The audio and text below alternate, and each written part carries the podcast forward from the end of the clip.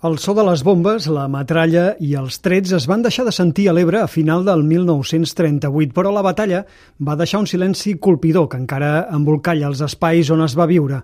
83 anys després s'han recuperat tímidament vestigis i víctimes, com és el cas de la fossa de Santa Magdalena de Mora d'Ebre. L'exposició Ossos com a tiges que encara no han florit s'inaugura avui al centre 115 dies de Corbera d'Ebre, a la Terra Alta.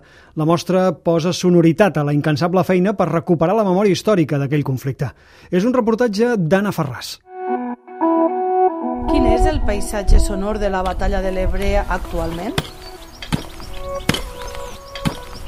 Van pensar que el so que representaria el com veia la batalla seria quins són aquells sorolls que fan els arqueòlegs mentre estan treballant.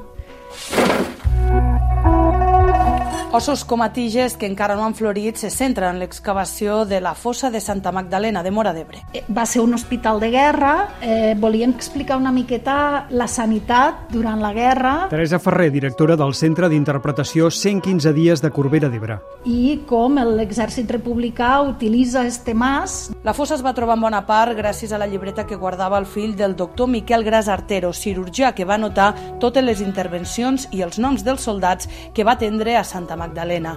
A la llibreta hi apareixen Josep Aubesso i Joan Urgell, dos soldats a qui busquen les seves famílies des de fa més de vuit dècades. Eh, hi ha 177 individus en esta fossa. Esperem no, que dos d'aquestes mostres coincidisquen en les d'aquestes eh, dues famílies. Sí. Bueno, i aquest, aquest d'aquí, que és el que anem a treure ara, té el que sembla ser una espoleta de bomba S'han recuperat 177 cossos i 9 amputacions, 177 soldats morts al front, la majoria molt i molt i molt joves. Tots són homes, n'hi han de molt joves, entre 14 i 18 anys, que ens fa pensar en la lleva del biberó i també ens fa pensar segurament en aquells més jovenets voluntaris que amagaven la seva edat i que van anar al front. No?